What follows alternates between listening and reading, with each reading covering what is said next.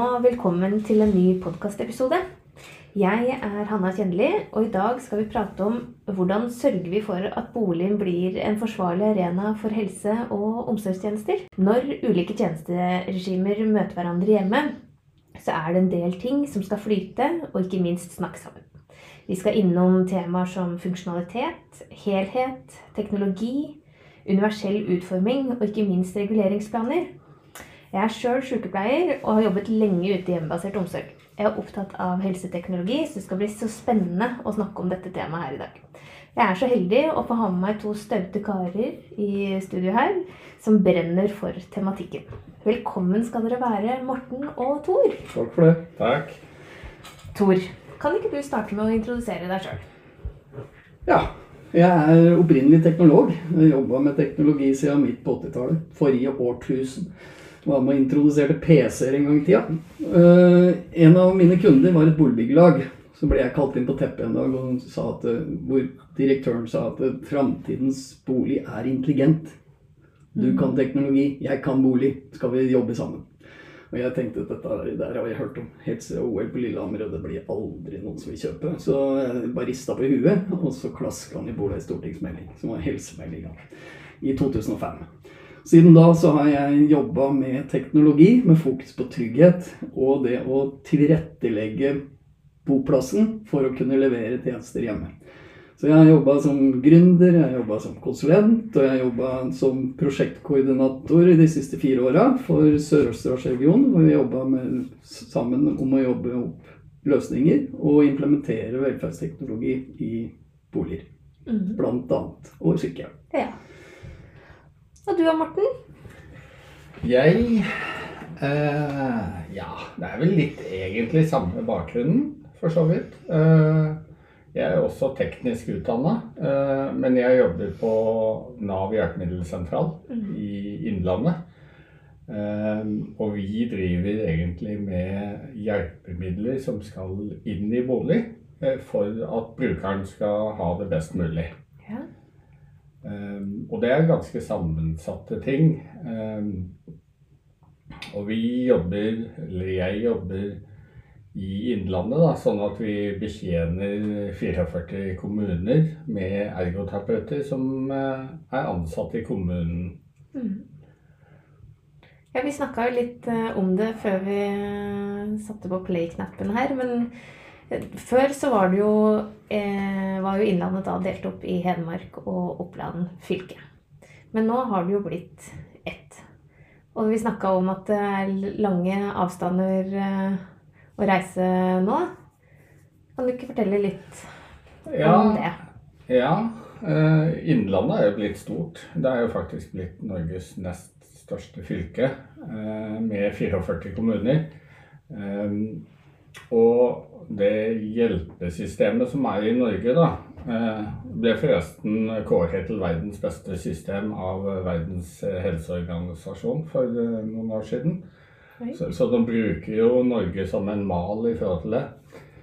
Eh, Men bortsett fra det, da, så er det jo organisert på en, en ganske bra måte. Med stor kommunal råderett, for å si det sånn, og ansvar. Mm. Sånn at i alle kommuner i Norge i dag så er det en ergoterapeut eh, som eh, har et som oppgave egentlig å tilrettelegge eh, hverdagen til brukeren. De sier bruker, da. I Danmark sier de borger. Eh, ja. Eh, Innbyggerne. innbyggerne i kommunen er nok et, eh, kanskje et bedre ord, da. Ja, de, de sørger for å tilrettelegge hverdagen, og så har de ofte et eh, hjelpemiddellager i kommunen hvor de har alt mulig rart, egentlig, for sånne korttidsutlån, da. Eh, og så Hjelpemiddelsentralen sin oppgave er egentlig å assistere eh, ergoterapeuten i kommunen. Sånn at eh, hvis de står fast i noen problemer eller utfordringer, som det heter, så skal vi prøve å hjelpe dem da. Eh, på best mulig måte. Ja.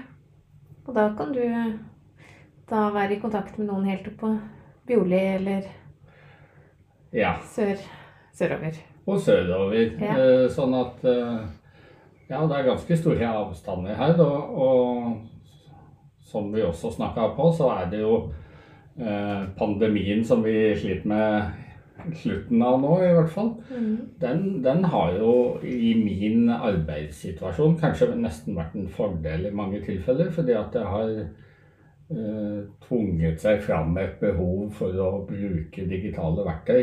Eh, for å se om man kan eh, gjøre ting da på FaceTime eller på Teams eller på andre løsninger som gjør at, at jeg kanskje slipper å kjøre til Bjorli, da. Mm.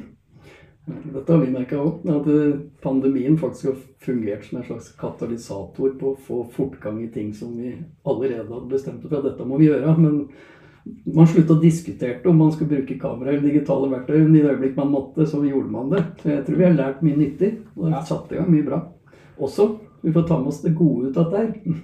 Ja, og så er det jo stor forskjell når eh, du må bruke det, så, så må du øve deg i å ha kontakt med kollegaer på Teams da, og dele dokumenter og, og bli litt kjent med de digitale verktøyene vi har.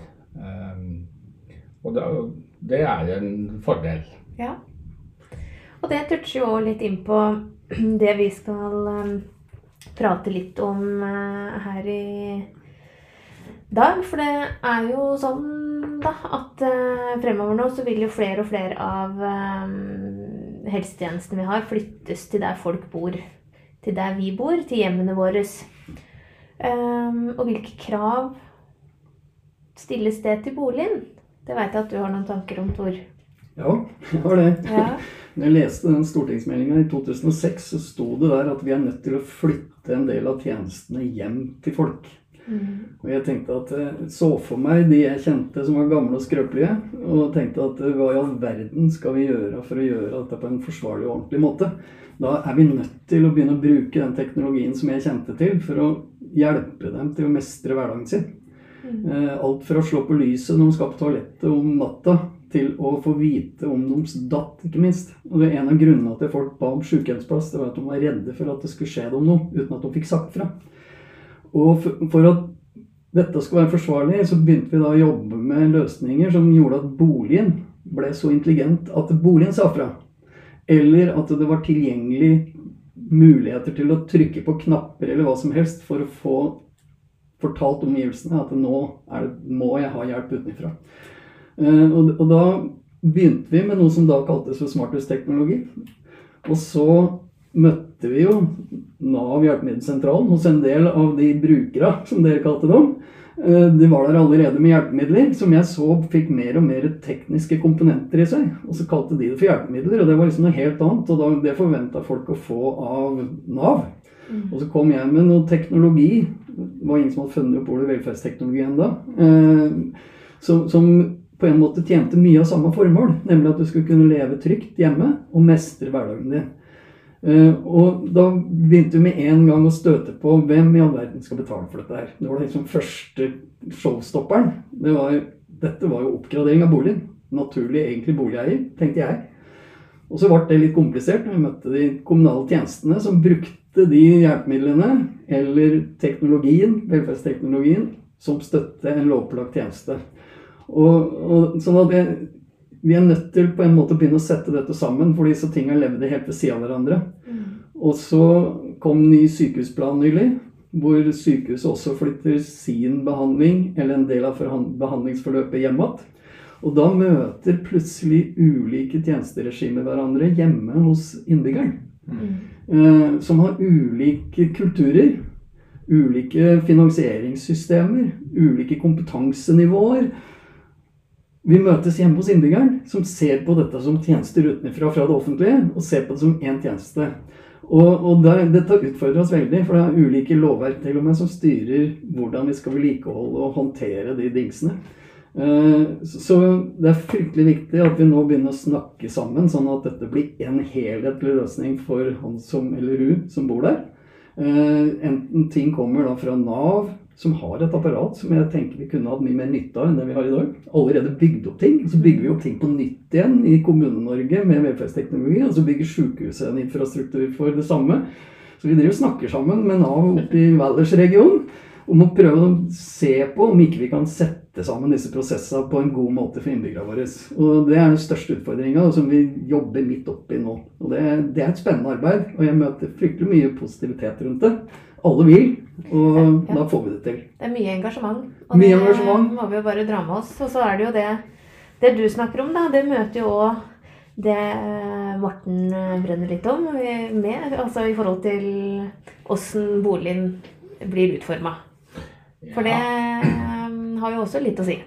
Det har veldig mye å si. Ja. Eh, og så er det jo sånn i Norge For å tenke litt stort, da, så er det jo eh, Norge er jo et spesielt land på mange måter. Bl.a. på det med boligmasse. Mm. Eh, og i Norge så er jo eh, ca. 70% av boligene er jo eh, privateid. Altså du eier din egen bolig. Det er spesielt, faktisk, hvis du begynner å se litt utover Norge. For det at i Danmark f.eks. så er det 20-30 som er i egen bolig. Ellers så leier man det. Ja. Um, en annen ting som er spesielt, er jo at Norge har en boligmasse som uh, er forholdsvis ung. Altså mye av boligmassen i Norge ble jo bygd etter krigen. Mm. Uh, etter uh, hus bankens tegninger som ble oppretta eh, etter Marshall-hjelpen ja. som kom. Um, sånn at vi har jo vi har jo mye 1,5 etasjes uh, bygg. Mm. Uh, I tillegg til så har vi jo kjeller. Uh, for de ble jo bygd før kjøleskapet kom til Norge. Så det, så, det, er jo en del fascinerende ting med det. Men eh, Tore og jeg er litt eh, sånn uenig. Eh, fordi at jeg er litt mer at jeg mener at man fysisk må ha en tilrettelegging til boligen. Mm. Eh, og vi bygger altfor dårlige boliger selv i dag. Eh, fordi at eh, Og da vil vi litt tilbake til det med TEK17, altså en mm. teknisk forskrift i forhold til boligmassen. Eh, og det er faktisk en, en minimumskvalitet som er lov å bygge. Altså, du får ikke lov til å bygge noe dårligere enn det. Det er ikke lov til det, men det er lov til å bygge bedre. Mm. Um, og det vi ser ofte, er jo at, at uh, badet er den store utfordringen for veldig mange. Um, fordi at der skjer det mange arbeidsoperasjoner. Du skal på toalettet, du skal dusje, du skal tørke deg, du skal gjøre mye rart inn på badet. Du skal vaske hender. Vaske hender. um, og når du ikke er verken dør så du kommer inn uh, på badet, eller areal til å snu rullestolen, så, så, er jo det en utfordring. Mm.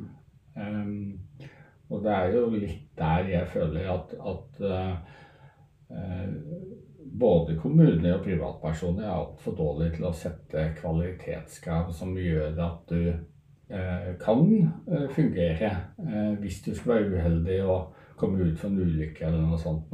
Mm. Um, og det er litt sent å begynne å tenke på det når du sitter i rullestolen. Det var noe med det. Ja. Jeg er ikke uenig med dette, Morten. Jeg er helt enig med deg. altså, vi, vi, må tenke helhetlig, tenker jeg. Og, og, det å kunne komme inn i byggeprosjekter og tenke livssituasjon for folk med litt nedsatte funksjonsevner når man planlegger bygget. Jeg kommer med dingsa mine altfor seint støtt. Og så får jeg høre av de som er på byggteknisk i kommunen, at nei, slapp noe for all del ikke disse helsefolka inn i gjesteanlegget ditt, for da, da det blir bare tull. Eh, og så er dette bygg som skal huse folk som skal mestre livet sitt med større utfordringer enn folk flest. Og det skal støtte en helsetjeneste. Og da må det være helsefaglige premisser som er med helt fra tegninga av boligen. Og det var det som var fryktelig artig som jeg, når jeg var med et boligbyggelag og planlegga boliger. Da satt jeg sammen med arkitekten. Da hadde jeg brei læringskurve. Altså. Da satt vi sammen med arkitekten og tenkte funksjon, bygg og teknologi på en gang. Og det blei et mye bedre prosjekt enn mye av det jeg har sett etterpå. Fordi vi kommer løpende etter inn i bygg som ikke funker. Og så er det jo sånn at de fleste bygg som folk skal få tjenester i, de er allerede bygd. Med de beskrankningene som du beskriver. Og da må vi prøve å bøte på som best vi kan mens det dingsene våre.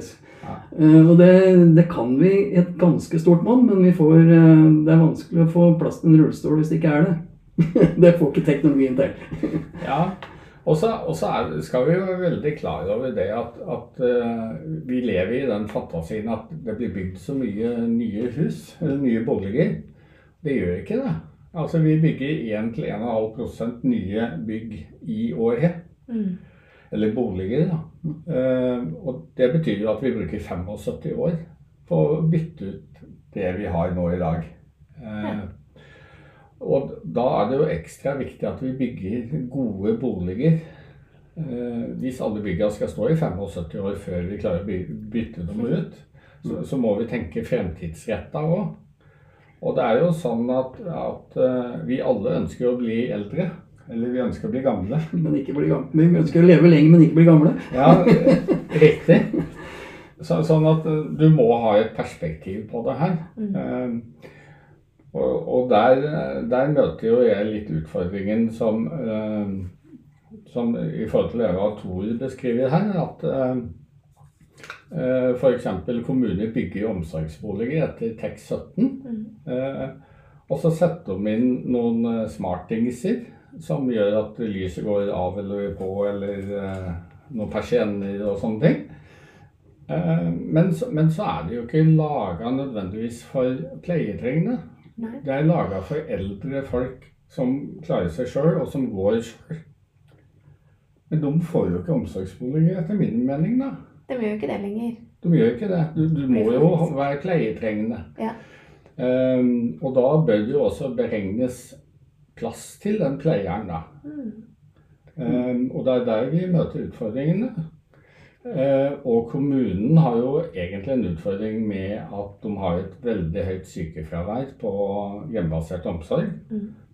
Det er ikke uvanlig med å ha et sted mellom 10 og 15% sykemeldinger. Og da er det kanskje dumt å bygge omsorgsboliger hvor du lager dårlige arbeidssituasjoner. Ja, det er jo som jeg sa innledningsvis. Jeg har jo sjøl erfart eh, det lenge på kroppen. Å jobbe ute, og man eh, Man eh, blir veldig løsningsorientert eh, i hvordan man skal forflytte, og, og du skal jo ikke bære. Og du skal forflytte på en god måte, men når du ikke får til det, så er du nå der for å, å hjelpe en pasient, og da, da gjør du jo det. Men det går jo på helsa løs, Mm. dessverre. Tilrettelegger for dårlige rygger. Ja, rett og slett. um, og det er jo ikke bra. Så det du snakka om i stad, Tor, det syns jeg er så interessant at du fikk være med i det her eh, prosjektet helt fra starten av. Men er det ikke sånn? Er det ikke sånn at Nav og dere som driver med altså det tekniske, altså tekniske hjelpemidler, eller altså digitaliseringa, og arkitekten og Er det ikke noe system for at de her sammen setter seg ned i starten av et prosjekt? Nei, det er dessverre sjelden. Veldig sjelden. Eh, ofte er anbudet kjørt. Ja. Entreprenøren har med seg teknologi, byggteknologi, Mm. eh, SD-anlegg og smarthus er det noen kaller det, i entreprisen. Uten at eh, helsefag i det hele tatt har vært med å prate. Og så kommer vi inn dumpende etter at mange grunnforutsetninger ligger der allerede. Alt fra infrastruktur, som du snakker om, til hvordan bygget er utforma, men også hvordan teknologien skal spille sammen. Og så blir velferdsteknologien klatta på et SD-anlegg, og så prøver vi å snakke sammen, og så får vi ikke teknologien til å gå i hop. Man får, ikke til, eller får det til å flyte, da, sånn som man skulle ønske. Hvis det skal være sømløst, så må vi tenke helhet fra planleggingsstadiet. Og jeg, jeg tror at uh, vi må begynne å løse opp litt. Altså, vi, vi har lenge snakka om at folk skal bo lenger og lenger hjemme. Men det er ikke dermed sagt at vi skal bo akkurat der vi er født. Hvis jeg kan ha et eget hjem og være åpen for, og kanskje må flytte på meg for å ha et egna hjem når jeg blir 75 i forhold til hva jeg hadde behov for når jeg var eh, 22. Mm. Eh, altså, jeg tror det er lurt å begynne å tenke litt annerledes eh, på hvordan vi skal innrette oss. Og, og det å begynne å planlegge også hele boligfelt til å kunne samle, ha, samle folk sånn at vi får ressurser nær hverandre som kan hjelpe hverandre. Mm. For jeg tror det offentlige hjelpeapparatet sprekker om ikke vi snur oss helt og tenker annerledes. Så da må vi tenke også nye boformer Ja. eh, sammen med teknologi. Mm. Og det, det tenker jeg er veldig viktig at For det første, som du sier, Tor, så, så er det jo sånn i Norge at vi alle som eier en bolig, er jo ansvarlig for å eie den boligen. Det er et valg vi gjør. Man spør ikke Nav om lov til å kjøpe et hus, heldigvis. Men, da må du også ta følgene med de valgene du gjør. Um, og så er det jo akkurat det der du nevner på i forhold til at kommunen må være aktiv i forhold til eh, boformene og reguleringsplanene. tenker jeg er veldig sentralt for kommunen. Med at de Altså det er lov til å regulere et, et, eh, et område for kommunen sånn at det eh, setter noen krav til den boligmassen som bygges der. Altså, det er, det er ikke sånn at eh, når du har en tomt, så kan du gjøre akkurat hva du sjøl vil. Det er det kommunen som bestemmer ut ifra reguleringsplanene. Eh, og jeg er av den oppfatningen at, at kommunen må være mye mer aktiv for å få gode boliger i sin kommune. Også det du nevnte nå i stad i forhold til det med eh, hvordan vi opplever at eh, bl.a. omsorgsboliger blir bygget. Eh, så er jeg helt enig med Tor at vi kommer ofte altfor sent inn. Eh, og jeg har litt inntrykk av og Nå er jeg kanskje litt stygg, men eh, jeg har ofte inntrykk av at det blir gjort et politisk vedtak om at man skal bygge eh, et visst antall eh, omsorgsboliger. F.eks. Eh, kommunen avsetter 65 millioner for å bygge omsorgsboliger. Og så setter de en bestilling til eh, plan- og bygningsavdelingen i kommunen om at bygg så mange omsorgsboliger dere klarer for de 65 millionene. Ikke nødvendigvis gode, men mange. Eh, og da klarer eh, planen å holde eh, fagpersoner på avstand. Eh, sånn at de får bygd flest mulig. Og da er de kjempefornøyde. Men da har de samtidig bygd veldig dårlige omsorgsboliger for omsorg. Ja. Og det, det er jo nettopp her vi må ta tak, tenker jeg. da. Jeg blir lei meg når vi i 2021 bygger boliger som ikke er egnet for å leve hele livet i dem. Altså, vi har en hele livet-reform. Leve hele livet. Eh, og du skal bo mest mulig av det i egen bolig. Uh, da må vi tenke litt annerledes fra start og begynne å spørre hva er det som egentlig kreves av den boligen. Og så må vi starte der istedenfor å starte i, i pengesummen, sånn som vi pleier å gjøre. Eh, Jeg, jeg har vært med på prosjekter med, hvor man bygger nye helsehus som har en entreprise med ramme, som blir fryktelig dyre før det fungerer. Nettopp fordi det kommer inn altfor seint, de helsefaglige vurderingene på hvordan dette skal fungere til beste for dem som lever der og jobber der. Og vi, er nødt til å sette, oss, sette oss sammen tidlig. Og kanskje grunnen til at Tor og jeg har såpass stort engasjement om det her, er jo fordi at det er jo vi som skal bo i de husa vi bygger nå. Ganske snart. Ja, men jeg har lyst til å skyte inn da, altså Når vi snakker om de nye prosjektene, så er det så opplagt lønnsomt. Men, men at vi nå har teknologi som gjør det forsvarlig å leve mye lenger i den boligen som faktisk i utgangspunktet er dårlig egnet, det, det, det jobber jeg med. Og, og det skal vi være klar over, at det er mye vi kan gjøre.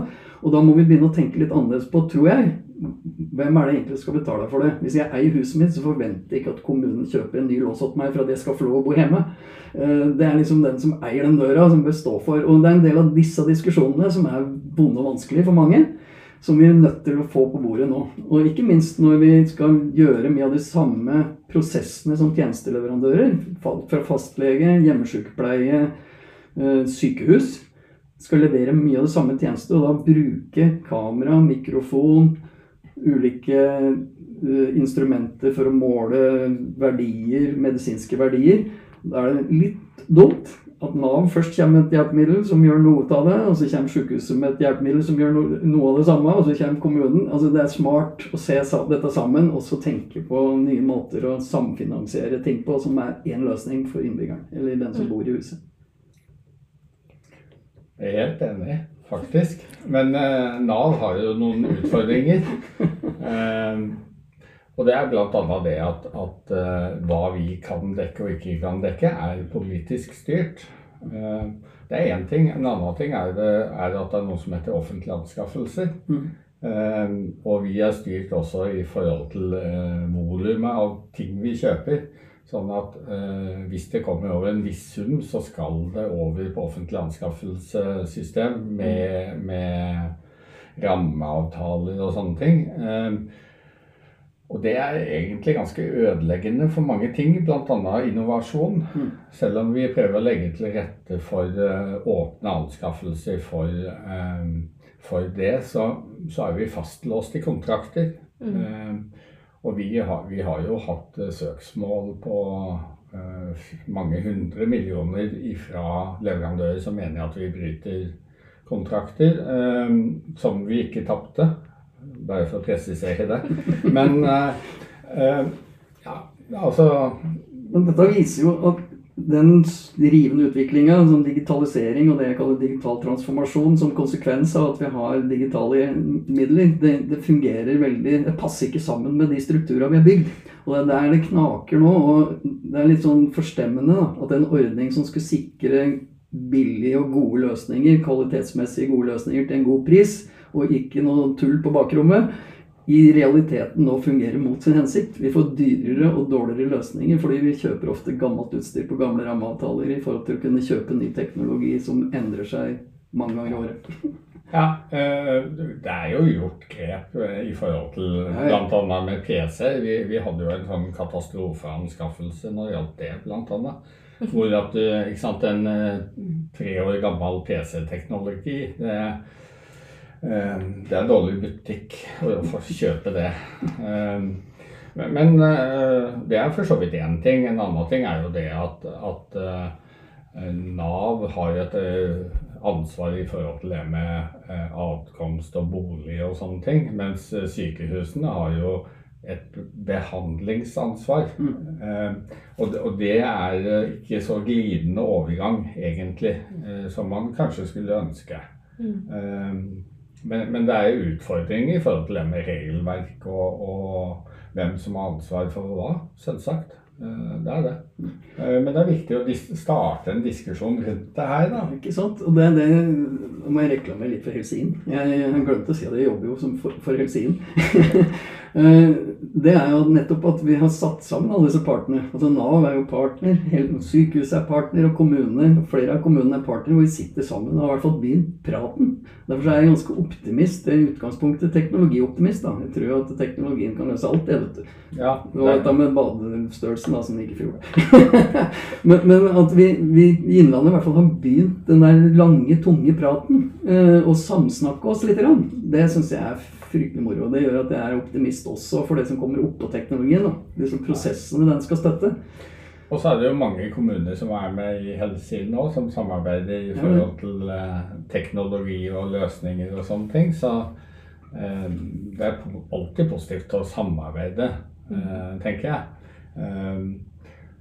Og det skal vi fortsette med. Og så er det Jeg føler jo at, at det må bevisstgjøres mye mer i For å dra oss litt tilbake her, da. eh, Så mener jeg jo at, at eh, kommunene må bevisstgjøre mye mer i forhold til hva, hva kommunen har av boliger og boligmasser. Tenke på framtiden, prøve å planlegge 20-30 år fram i tid. Og ikke minst sette krav til de fysiske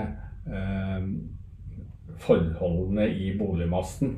Eh, sånn at det, man kan komme inn med sykehusteknologi. Eh, ja, all, all mulig slags eh, medisinsk overvåking i boligene i tillegg. Men i alle tilfeller så er det jo sånn at du må på badet for å komme på do. Hvis du ikke klarer å komme dit, så hjelper det ikke eh, med all mulig slags teknologi.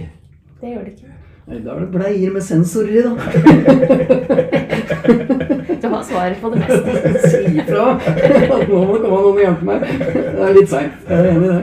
Men uh, dere er jo to blide og optimistiske karer som ser mange um, muligheter. Men sånn avslutningsvis, da. Hvis dere kunne drømme stort, hva er deres visjoner for uh, framtidens bolig som dere kanskje kan bo i?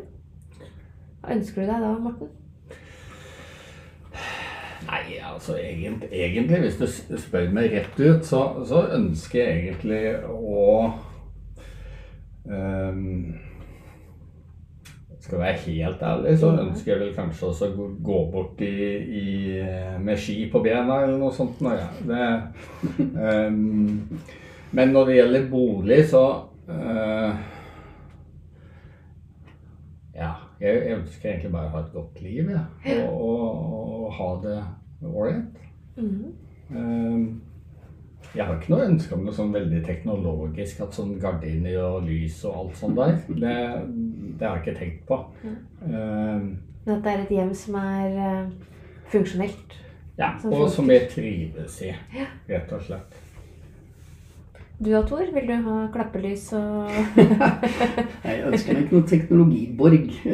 Men jeg ønsker meg en bolig som jeg er trygg i. Eh, Det er liksom punkt én. For det er liksom fundamentet for livsmestring og livsutøvelse.